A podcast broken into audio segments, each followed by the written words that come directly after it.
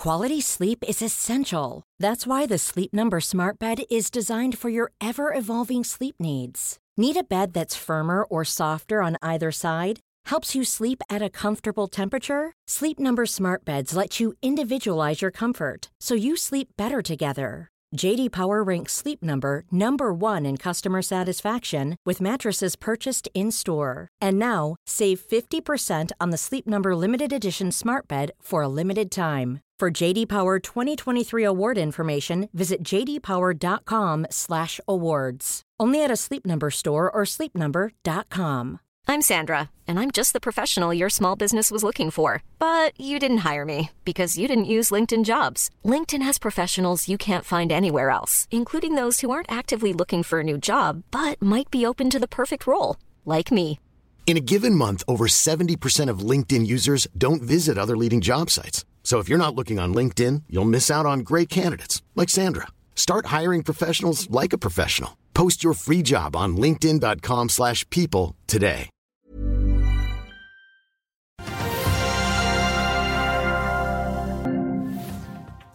Det blir en rolig børsuke, kunne man tro, men det blir blåmandag for Flyr-shortere. Det er 15. mai, og dette er Børsmorgen.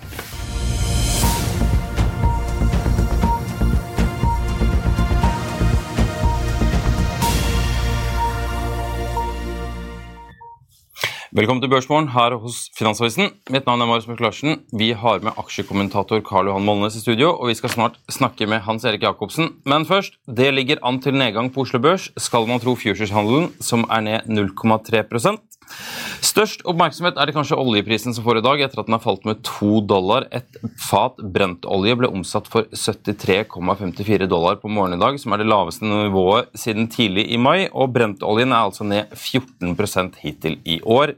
Denne uken vil markedet spesielt se mot nye Kina-data som kommer i morgen. Industriproduksjonen i Kina er ventet å være opp 10,1% på årsbasis i april, etter en oppgang på 3,9% på årsbasis i mars.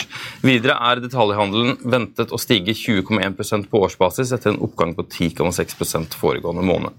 Fredag ble også en rød dag på Wall Street, hvor Nasdaq endte ned 0,35% Dow Jones ned 0,03% og SMP 500 falt 0,16% Nasdaq er opp nesten 18% i år og SNP 500 er opp 7,84% mens Dow Jones er bare opp 0,5% så langt i år. Finanstilsynet har ilagt seks investorer i overtredelsesgebyr for brudd på reglene om udekket shortsalg i Flyr-emisjonen. Overtredelsene skjedde i forbindelse med at investorene hadde blitt tildelt aksjer i den rettede emisjonen i november 2022, og gebyrene er på mellom 50 000 kroner og 5 millioner kroner. Mandag publiserte Statistisk sentralbyrå ferske tall for Norges handelsbalanse i april. Handelsbalansen for Norge viste et overskudd på 76 milliarder kroner i april, og til sammenligning endte handelsoverskuddet i mars på drøye 71 milliarder kroner. Sparebank1 Markets oppjusterer kursmålet på Cloudberry-aksjen fra 10,5 til 11 kroner. Aksjen ble sist omsatt for 11,12 kroner fredag. Cloudberry meldte i forrige uke at det får utsettelse av en omstridt skatt. Pareto Securities oppjusterer kursmålet for fiskeoppdrettsselskapet SalMar fra 420 kroner til 485 kroner. Kepler Chevrolet nedjusterer kursmålet fra 590 til 580 kroner. Fearnley Securities oppjusterer fra 550 kroner til 565 kroner, mens Nordea nedjusterer anbefalingen fra kjøp til hold. Aksjen ble ved børsslutt fredag omsatt for 461,50 kroner. DNB Markets oppjusterer kursmålet for Norwegian-aksjen fra 16 kroner til 18 kroner, og Pareto Securities fra 15 til 20 kroner. Det skjer etter at flyselskapet la frem sitt resultat for første kvartal fredag i forrige uke. Selskapet tapte 992 millioner kroner i første kvartal, men analytikerne hadde ventet enda større tap i det sesongmessig svake kvartalet. Aksjen ble ved stengetid omsatt for 10,62 kroner. Meglerhuset SEB nedjusterer kursmålet på Yara-aksjene fra 550 til 525 kroner, og aksjen ble omsatt for 420 kroner og 10 øre ved stengetid på fredag. Og til slutt, ABC Sundal Collier oppjusterer kursmålet fra Skipsted-aksjen fra 268 til nedjusterer fra 268 til 220 kroner, og aksjen ble fredag omsatt for 198,70 kroner. Vi kunne snakket mye om Flyr, men Flyr er jo ikke på vingene lenger, så jeg tenker heller vi kan snakke om relevante flyaksjer. Hans Erik Jacobsen, velkommen til oss i Børsmorgen. Takk. Du, vi kan jo starte med Norwegian, for de er jo de som har vært ute med sist med nyheter. Ja. Hva var dine tanker etter at du så tallene på fredag? Eh, tallene de var akkurat som vi forventet, så det var ingen store overraskelser der. Det er jo et solid tap, men eh, første kvartal er jo sesongmessig det svakeste kvartalet. Det som er oppløftende, det er jo at eh, Norwegian klarer å gjennomføre sommersesongen med nesten med det antall fly de hadde planlagt. Det har jo vært noen forsinkelser i leveranser fra Boeing, men de fikk jo da som kjent en del av Flyr sine fly. Kostnadene de kommer ned slik som vi har forutsatt, og det er jo et resultat av god drift, og at eh, du da får mer giring på flere fly. Eh, og det viktigste av alt er at etterspørselen i forkant av den viktigste sommersongen er veldig, veldig god, og billettprisene er på et svært godt nivå, sett fra Norwegians øyne. Så eh, vi tok opp eh, estimatene eh, med litt over 10% for 2023 i den rapporten vi sendte ut i dag morges, men beholdt taget på, på 13. Men det ser jo veldig, veldig bra ut. Usikkerheten ligger jo på neste vinter, hvor vi nok vil få kanskje noe større effekt av høyere renter, som kan påvirke etterspørselen, og likeledes inflasjonen. Eh, og Samtidig så forventer vi også at kronen vil forholde seg svak, hvilket også kan tynge. Men eh, jeg må si, måten Norwegian driver selskapet på nå, er jo fremdragende. Veldig veldig god drift, høy etterspørsel og ingen negative endringer i eh, konkurranseflaten heller. Så det kommer til å bli en fantastisk sommer. Hvordan er eh, kostnadsbildet deres, særlig på de, de, faktorene de ikke kan påvirke? Altså jo, eh, Hvis du på en måte drar og fyller full tank på bilen din, så merker du at prisen er høy, mens oljeprisen er lav. Men hvordan går, slår det ut i flybransjen for tiden? Altså, uh, Jetfylla har jo vært veldig høyt. Det lå jo for en stund siden oppe over 1000 dollar per, per tonn. det, Så falt det til 900, nå er vi nede i 750. Så mye av årsaken til den oppjusteringen av estimatene vi gjorde nå over helgen, det var jo nettopp fordi at fuel-prisen er lavere. Så det, det, er helt riktig at fuel er dyrt, og du får en negativ påvirkning av den svake norske kronen mot dollaren. For du kjøper jo fuel i dollar, og vedlikeholdet er i dollar, lease av fly flyet i dollar. Men eh, summen av relativt fulle fly og eh, veldig høye billettpriser oppveier den negative faktoren.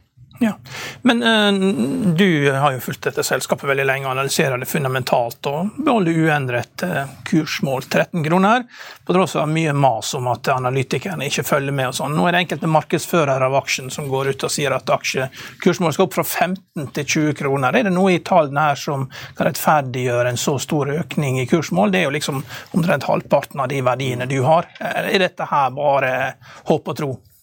Nei da, altså flyselskapet er jo veldig hva vi kaller operasjonelt giret. Dvs. Si at små endringer i forutsetning gir jo veldig store utslag på, eh, på inntjeningen.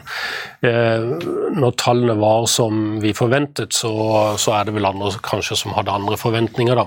Men jeg tror det aller viktigste til at kursmålene kommer opp her, det, det er jo at utsiktene er veldig gode. Sommersesongen blir veldig, veldig sterk. Og det kan godt hende at, at vi kanskje får en, en bedre inntjening enn det analytikerne i sum legger til grunn. Det gjenstår å se. Men vi tror jo fortsatt på en kraftig økning for Norwegian-aksjen opp til 13 kroner. Eh, og Det er jo et tolvmånederstarget, og dette er jo ting som vi vurderer eh, løpende. Men som sagt, det, det som bekymrer oss, det er jo mer kanskje, Bekymrer gjør det vel ikke, men det, det er en større usikkerhet inn mot neste vinter med hensyn til etterspørsel eh, som følge av, som jeg nevnte, økte renter og, eh, og, den høye inflasjonen vi har. Og at det kan, kan dempe neste år litt. Og husk at neste år så må jo Norwegian også betale for Eh, fuel, eller unnskyld, for, eh, for, flyene. Altså Nå har de eh, hatt hva vi kaller power by the hour. Vil si at de slipper å betale eh, lease for fly når ikke de er i luften, for, for en del av de flyene de hadde. Det får du ikke til neste år. Men for all del, det, sånn som situasjonen er nå de neste månedene, så ser det jo egentlig helt fantastisk ut for Norwegian. Og så er det da spørsmål hvilket uh, hvilket, hvordan man vil verdsette selskapet. Da. Men vi ser jo at uh, Ryanair, EasyJet og, uh, og i sum er jo priset uh, på 2024-estimater på langt over det Norwegian er priset til. Så jeg, jeg, har forståelse for at andre legger seg høyere enn det vi har gjort. Men dette er som sagt et bevegelig mål, og vi har uh, tidligere økt kursmålet fra Norwegian fra 7,5 til 13, og så får vi se hvordan utviklingen blir. Men som sagt, på de neste månedene kommer til å bli veldig, veldig bra. Fra en aksje du har veldig tro på, til en aksje du har selvanbefaling på, SAS. Ja. Hva, hvorfor er du ikke like sterk i troen på, på dem i det markedet vi ser nå? Ja, så SAS er jo eh, for alle praktiske formål eh, konkurs. Eh, og De er i chapter 11, så de flyr jo videre under en amerikansk konkursbeskyttelse. Men det er jo ingen egenkapital i selskapet, den er jo kraftig negativ. Og selskapet skal jo rekapitaliseres, og det kommer ikke til å være noe igjen til dagens aksjonærer. Så vi har i lang tid hatt et kursmål på, ti øre. og jeg, jeg, tror ikke det kommer til å bli eh, noe mer enn det, og kanskje det blir null til, til de som er eiere i dag.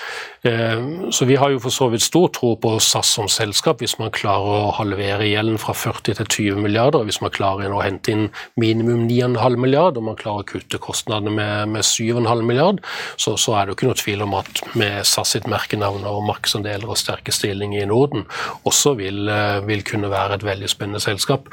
Men det blir ikke noe spennende for de som er eier i dag. De kommer til å sitte igjen med ingenting. Du har jo en spesiell situasjon når du har Apollo som sitter som og forhandlere for å få ned gjelden. Og gjelden skal ned til et nivå som gjør at man kan drive videre. Og nå Det siste utspillet deres er jo at de sier at de kan tenke seg å eie hele selskapet. Dette er jo et amerikansk selskap. Du har jo ikke lov til å eie mer enn 50% av et europeisk flyselskap som amerikansk. Så er det, for en, er det på en, for en måte for de å si det at ja, ja, hvis vi hadde fått lov til å kjøpe alt, hadde vi tatt alt, men vi vet ikke å kjøpe det likevel, eller hvordan tolker du dette her? Nei, altså som du sier, eh, Apollo kan ikke eie mer enn 50 og eh, Apollo er jo ikke en aktør som skal sitte i flyselskapet over lang tid, så de skal jo inn her være med på en redningsaksjon og selge seg ut med gevinst på et eller annet tidspunkt. Men uh, den danske stat, jo, som er en av de største eierne i dag, har jo uttrykt helt klart at deres målsetting er å eie mellom 20 og 30% av SAS i fremtiden. Så uh, Apollo uh, verken kan eller bør eie, eie SAS. og det det kommer heller ikke til å skje. Så eh, vi får se hvordan eierkonstellasjonen blir etter denne emisjonen som de nå skal ha i høst. Eh, det blir jo selvfølgelig en utfordring, da. å, å hente inn så mye penger til et selskap som i år kommer til å tape mellom 4 og 5 milliarder, mens alle andre flyselskaper, om ikke de tjener penger i bøtter og spann, så, så, er det i hvert fall en veldig god lønnsomhet for, for mange aktører for tiden. Og jeg tror hvis man til neste år kanskje kan håpe på break even for SAS, så, så vil vel kanskje det være et best case. Så, så, det er jo ikke bare bare å hente inn så mye eh, kapital til dette selskapet. Så det, det, blir en veldig spennende høst. Jeg, jeg tror at SAS kommer til å overleve i, så, som et selskap, men hvordan eiersituasjonen ser ut, det, det blir veldig spennende å se. Hvor, uh, det, vil, det har jo vært mange år med tap med SAS? Ja, eh, pandemien var jo grusom for alle flyselskaper, men eh, kanskje spesielt for SAS i og med at de hadde så veldig mye gjeld. Norwegian klarte jo å kvitte seg med nesten all gjeld gjennom den restruktureringen de gjorde. SAS gjorde jo ingenting, så de holder jo på med dette nå. Eh, og nå er det jo verre å få, få gjennomført ting, for før så sto jo flyene på bakken overalt, så de som eide flyene hadde ikke så veldig mye alternativer annet enn å la de stå på bakken og, og være med på den reorganiseringen som eller restrukturering som kom i Norwegian. Eh, så, så det, det, er tøffere for SAS når de kommer så sent, og nå holder jo andre på å bygge seg opp og, eh, og forsterke balansen.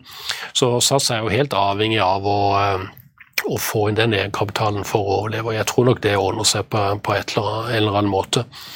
Men, men, eh, SAS har vært fryktelig sent ute med å fikse men, men når du ser på balansen til SAS, det er 60 milliarder i gjeld og det er 60 milliarder i, i aktiva. Og så sier man at man skal kvitte seg med minst 20 milliarder i gjeld, men samtidig skal man kvitte seg med så mye at man kan drive videre. Det, er, kan det ligge en tostegsprosess her etterpå også, at det, det går an å gjøre SAS enda mer lønnsom etterpå ved å selge noe av? At man, man får det til å gå med overskudd i de, de bitene som som er, men så at man da går an å dele det opp sånn at det blir lønnsomt i kjernen. Er det en kjerne her med lønnsomhet og en, en, og en, en sånn ringer ytterst i løken som ikke er lønnsom, så det går an å bli kvitt? Eller er, henger alt dette sammen, slik at det, det man sitter igjen med, er man nødt til å kjøre videre med?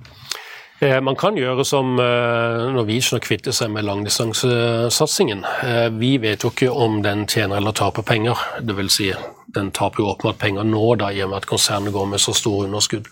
Så, så det er jo en mulighet, men, men det har ikke vært oppe på agendaen hos SAS. De kjører videre dette selskapet som de alltid har gjort. Men styrken til SAS det er jo Skandinavia og Norden, da, og så er det jo alle rutene mot storbyene. Og i stadig større grad ruter mot eh, soldestinasjoner som Norwegian alltid har vært sterke på. Så eh, base case nå det er at man kjører dette selskapet videre akkurat som det er. Så må man da som sagt kutte gjelden, eh, få opp egenkapitalen gjennom en, en emisjon eh, og kutte kost. Og alt dette henger jo sammen. Man får jo ikke inn penger hvis ikke man klarer å vise disse milepælene om at eh, kostnadene kommer ned. Så jeg, jeg, tror nok ikke, Det er nok ikke noe å selge nå. SAS har jo eid veldig mye forskjellig tidligere, men alt dette er jo vekk. Så nå er det jo stort sett bare eh, flyvirksomheten tilbake igjen, da, og det er jo tross alt det de skal drive med. Men uh, SAS kan bli et interessant case, det. Det, det, er jo da som nevnt veldig bra merkenavn, store markedsandeler. Og får man kostnadsnivået på plass og får orden på egenkapitalen, så, så, kan det bli interessant. Det, det, flyselskap som skal overleve, det handler jo om å skaffe seg arbeidsreisende i en eller annen form. Ja. Eh, og eh, SAS flyr jo mediekjendiser og idrettsstjerner. og Business, det var jo Business Airline at du fraktet alle selgerne ut mm. rundt omkring i Vest-Europa. Ja man solgte varer og sånn, og så mm. oppdaget man Øst-Europa, så var man litt skjevt fordelt. og Nå får jo du en ny situasjon hvor Ukraina skal bygges opp igjen, og hele svensk næringsliv er jo veldig tilpassa skal selge til Ukraina. De har jo alle varene de trenger for å bygge opp igjen landet. Ja. Så eh, det er jo helt klart det kommer til å gå masse fly til alle mulige slags byer i Ukraina den, den dagen krigen er over. Så spørs man hvordan man skal kapitalisere på det. da. Ja, Det gjenstår å se. Foreløpig er det jo selvfølgelig ikke mulig å fly dit. Eh, og SAS er jo, eh, er jo en krise nå ikke sant, som, som, må ordnes i løpet av de neste månedene. Eh, så Ukraina og eventuelt opptur der ligger jo noe lenger frem i tid. da. Men jeg tror de neste månedene blir, blir helt avgjørende for SAS sin fremtid. hvordan de får fikset gjelden. altså Den er jo på vei ned, så der gjøres det jo ting hele veien. Kostnadene er på vei ned. Men dette arbeidet A lot can happen in the next three years. Like a chatbot may be your new best friend. But what won't change? Needing health insurance. United Healthcare Tri Term Medical Plans are available for these changing times. Underwritten by Golden Rule Insurance Company, they offer budget friendly, flexible coverage for people who are in between jobs or missed open enrollment. The plans last nearly three years in some states, with access to a nationwide network of doctors and hospitals. So, for whatever tomorrow brings, United Healthcare Tri Term Medical Plans may be for you. Learn more at uh1.com. I'll see you in court. Vi sier det ofte litt på spøk, men for deg som driver business, er det aldri moro å innse at du ikke har laget en 100% gyldig kontrakt. Du bør ikke risikere hele firmaet ditt fordi du synes dette med kontrakter er litt stress. En avtale er ikke en avtale. Du kan miste kunder, miste venner, ja, til og med miste inntekter om du ikke lager en skikkelig kontrakt, på alt mulig, egentlig. Men vi vet det er et styr kopimaskiner, treg printer og haugevis av papir. Dessuten stoler vi jo på folk her i landet. Det er ofte litt kleint å skulle be om en signatur for alt mulig, ja, for mye av styret handler også om jakten på underskriften. Det finnes en enkel måte å løse dette på, Dukkobit, en trygg, effektiv og get this, gratis måte å sikre seg en god natts søvn pluss en juridisk bindende avtale. Dukkobit-appen har de strengeste sikkerhetskrav i bunn, samt en EU-godkjent og sertifisert teknologi. Framover vil det bli behagelig å spørre du, skal vi skrive under på det, eller? Kom i gang på dukkobit.no. Må jo fortsette, og så er det jo disse, denne egenkapitalen. Det ligger mye følelser. vet du. Sverige tapte sitt imperium vet du, ved slaget ved Poltava nær Kharkiv. Så de skal tilbake igjen der, vet du. ja, altså SAS uh, har gode muligheter for å reise seg igjen. Ja. Men, Men nå er vi jo inne i det som blir en sånn supersommer for flyreiser. Det er uh, solgt masse flyreiser, og det er jo, hvis man uh, bestemmer seg tenker nå at vet du hva, nå har jeg lyst til at det Italia eller Syden eller hvor enn i sommer, så vil du oppdage at flyprisene nå er jo Det er dyrt å fly. Det er det. Eh, men så kommer vi i en situasjon som du snakker om, eksempel, hvor eh, tenk scenario at eh, renta påvirker etterspørselen, og da vil jo flyprisene nødvendigvis måtte gå ned for å dekke etterspørselen. Men, men er, er Norwegian like godt rigget for, eh, for et lavere prisnivå på billetter enn det de har i dag? Ja, altså de vil nok kunne klare seg med lavere billettpriser, men, men, det er jo en kombinasjon av hvor mye du klarer å fylle flyene dine, og hva billettprisen er. Og det er jo ofte sånn at uh, alt annet likt, hvis billettprisen går opp, så blir flyene mindre fulle, og så må man prøve å finne liksom, det, det, mest optimale. Da. Eh, og så har det jo selvfølgelig konkurransesituasjonen også, men det vi ser nå, det er vel at det er færre fly i markedet, altså ute i markedet enn det vi hadde under pandemien. Eh, så flyene er jo jevnt over godt og fulle, og det ser en jo spesielt på Ryanair, Easy, Jet Wizz. De har jo enkelte måneder en load på opp mot 95% så, og Norwegian flyr nå på liksom rundt 80 så det er jo mye å gå på på å fylle opp flyene mer. Så jeg tror eh, På spørsmålet ditt om de vil kunne klare seg med lavere billettpriser, så er jo svaret ja. Men lavere billettpriser vil jo forhåpentligvis da trigge mer demand, som gjør at flyene blir fulle og inntegningen nødvendigvis ikke faller. Men eh, det, det, er jo veldig relevant eh, og viktig dette på, på hva som skjer når rentene øker og inflasjonen går opp, eh, på hvordan inntjeningen blir neste vinter. Men jeg tror, tror, kanskje det viktigste er at man, hvis man ikke får noe endring i konkurranseflaten, altså at Ryanair ikke kommer inn og skal ta en større bit av det skandinaviske markedet f.eks., så, så er situasjonen for Norwegian veldig bra. Jeg tror det kommer til å gå veldig greit. Ja, eh, Ryanair har jo en tendens til å eh, kaste seg rundt i krisesituasjoner og gjøre, gjøre sprell. Ja. Det er jo bare å se tilbake til 11.9., hvor det var vel da Michael O'Leary satt og bestilte fly som, ga, som en gal, mens ingen mm. andre skulle ha flymaskiner. Satt og fakset tilbudene mellom Airbus og Boeing.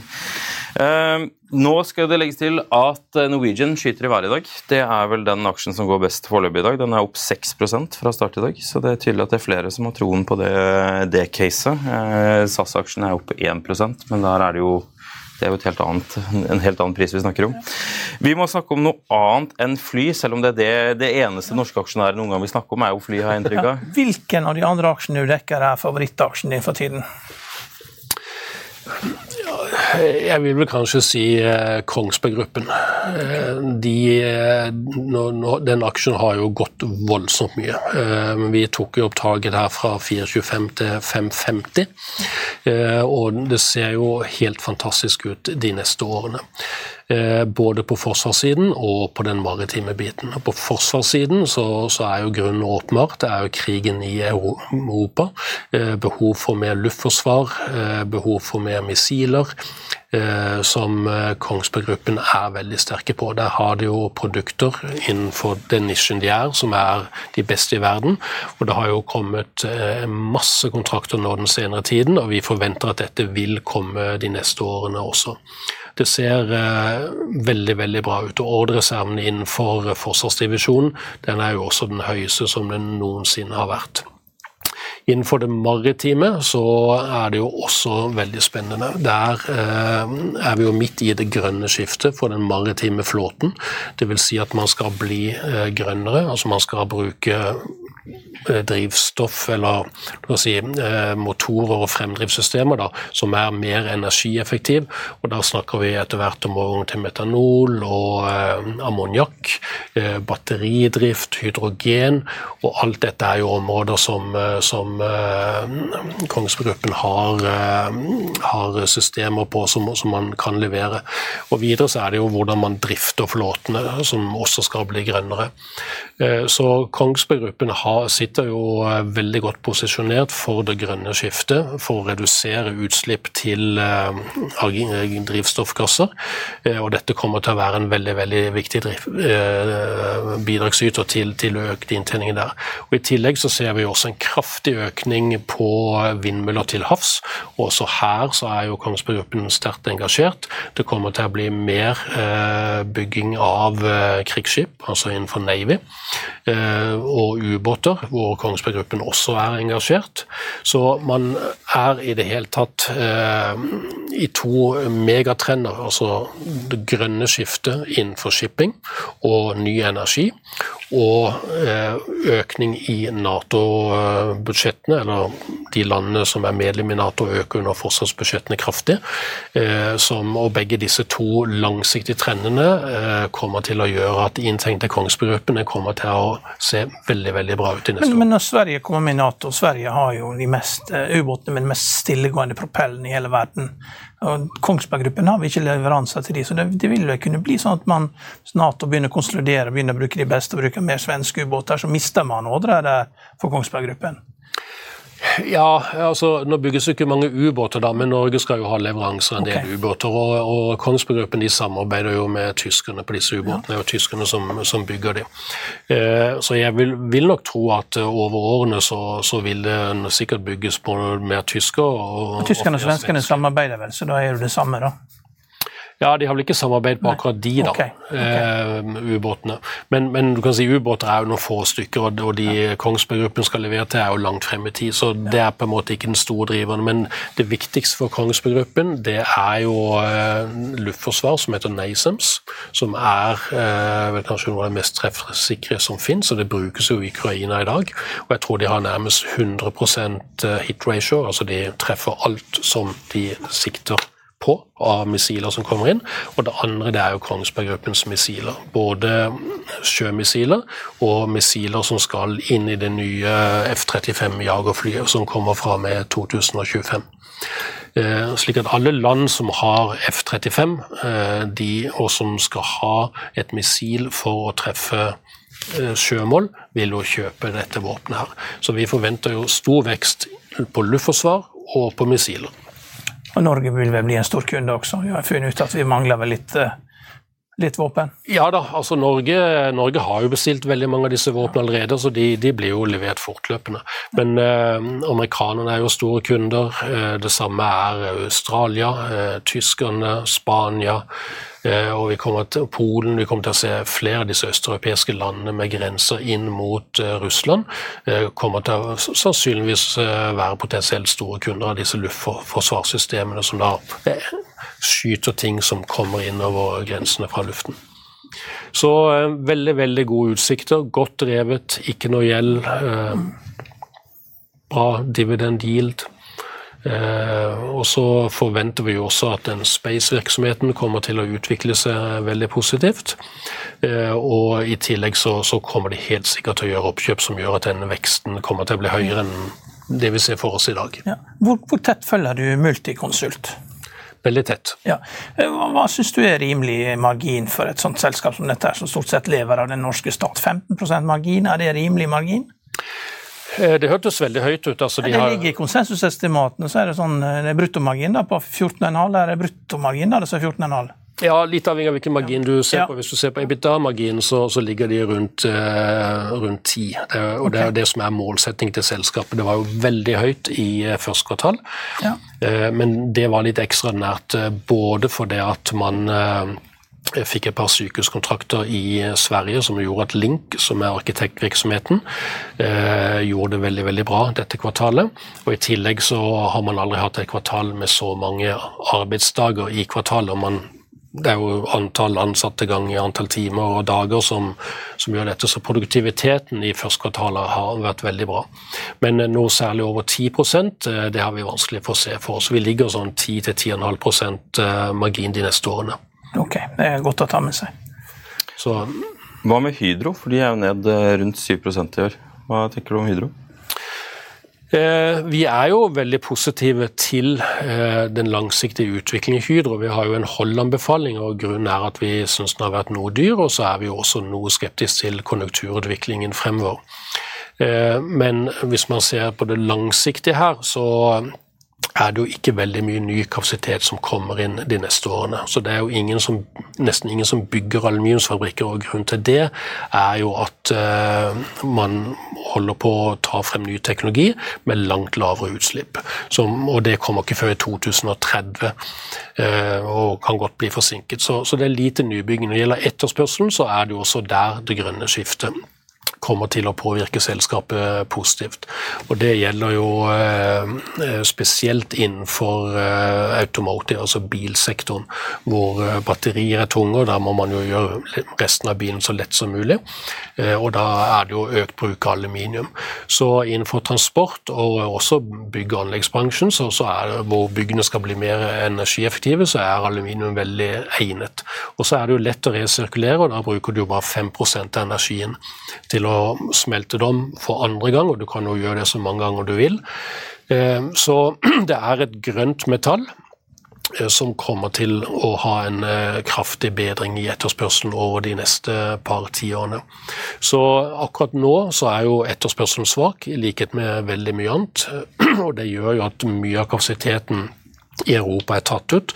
Hydro kjører jo nesten full kapasitet, og det er jo fordi at de har egen produksjon av kraft. Så andre har jo vesentlig høyere kraftpriser. Men denne kapasiteten som er tatt ut, som er over en million tonn, den skal jo tilbake når etterspørselen kommer. Og hvis energiprisen holder seg på dagens nivå, så må aluminiumsprisen opp. Og det tror vi kommer til å skje. Så langsiktig veldig positiv. Eh, kortsiktig litt mer usikker pga. Eh, konjunkturforløpet, og at vi føler at man har allerede diskontert inn noe av denne, den oppgangen som kommer her. Men uh, tallene Hydro leverte i første kvartal var jo veldig bra. Nedstrømsapparatet det, det, var jo overraskende hvor, hvor bra det går, og der er det jo mye bygg og anlegg og automotive. Og I tillegg så går jo kraftbriten eh, bra, eh, og smelteverken også. Så Det som henger litt, er jo eh, alumina-virksomheten i Brasil. Men det vil også komme med høyere aluminiumspriser. Mm. Fra aluminium til gjødsel, Yara? Ja, det var vel årets skuffelse, i hvert fall av mine selskaper. Der, vi så jo at volumene i fjor var veldig lave. Eh, og vi hadde ikke trodd de skulle falle like mye i år, men det gjorde det. Så bøndene har kjøpt, eh, i hvert fall i første kvartal, veldig veldig mye mindre gjødsel enn det som eh, var rimelig å anta.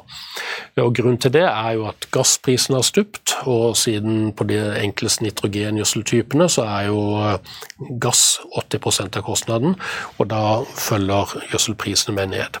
Så bonden har jo sett at for hver uke du venter med å kjøpe, så blir det billigere tidligere, og ergo så har vi ikke kjøpt nesten noe som helst. Så volumene var jo katastrofale. Eh, Yara har jo nå dumpet prisene, og nå ser vi jo at etterspørselen er på vei opp igjen. Eh, men jeg tror nok vi går inn i det andre gjødselåret på rad, og gjødselåret går jo fra juli til juli, med lavere etterspørsel enn man har hatt. Og Det er veldig rart, for det at bondens inntjening er god. Det er gode priser på mais og hvete og soyabønner og de viktigste produktene. Eh, men den usikkerheten som er skapt rundt rentenivå inflasjon og sånn, har jo påvirket bøndene også. Så, så, vi får eh, mindre gjødsling og lavere matvareproduksjon. På et eller annet tidspunkt så må de jo ha gjødsel igjen? Ja, eh, de må det. Det er jo ikke sånn at man ikke gjødsler. Altså de ni første månedene dette gjødselåret så regner man med at Etterspørselen var ned ca. 7% eller forbruket. da. Eh, og så ender vi kanskje på 4-5 når, eh, når dette kvartalet her er ferdig. Eh, men denne nedgangen på 4-5 er jo nok eh, i et marked som, globalt marked som ikke er veldig stramt, til å, å sende prisene ned. Og Så har vi også sett økende import til Europa. I Europa er jo gassprisen på 13-14 dollar per MMBTU. USA så den ligger på mellom 2 og 3. Og når markedet det globale markedet ikke har vært stramt, så har vi da sett at eh, en del aktører har da eksportert gjødsel inn til Europa, tatt markedsandeler fra de europeiske aktørene. Og Dette er jo ting vi har visst, men det er jo mer disse spesialgjødselkvalitetene til Yara, da, som ikke falt i fjor, men som falt kraftig i første kvartal, som, som, var problemet. Men vi er veldig grunnleggende positive til Yara. Det kommer også der lite ny kapasitet eh, de neste årene. Eh, kineserne, som tradisjonelt har vært den største eksportøren, de holder litt igjen på eksporten pga. at de ønsker å allokere mer til eh, de interne markedene. Og jeg tror fortsatt at det kommer til å være en relativt lav kapasitetsnyttelse i Europa, nettopp fordi at gassprisene er så høye. Og Yara har jo muligheten til å importere ammoniakk til en vesentlig lavere pris enn det de kan kjøpe gassen for i Europa. Så jeg syns eh, Yara ser eh, bra ut, men klart, nå, nå, skal vi inn i en periode hvor det kommer til å være veldig stille. Nå er jo gjødselsesongen mer eller mindre over, og så får vi se hvordan ting utvikler seg utover høsten. Men prisingen på Yara den er lav, og eh, finansiell balanse veldig god. Utbyttene høye. Så det er jo grunnen til at vi har hatt og fortsatt har den på kjøp. Hans Erik Jacobsen, tusen takk for at du kom til oss i Børsmorgen. Jeg skal bare legge kjapt til at du kan se Økonominyhetene klokken 14.30 i dag. Da skal det dreie seg om strømpris og eh, om eh, kronekursen. Vi, eh, du kan høre denne sendingen når du vil som podkast der du hører podkast. Økonominyhetene og Børsmorgen er det du søker opp, og du kan se sendinger når du vil på fa.no slash tv. Og så er vi tilbake klokken halv tre.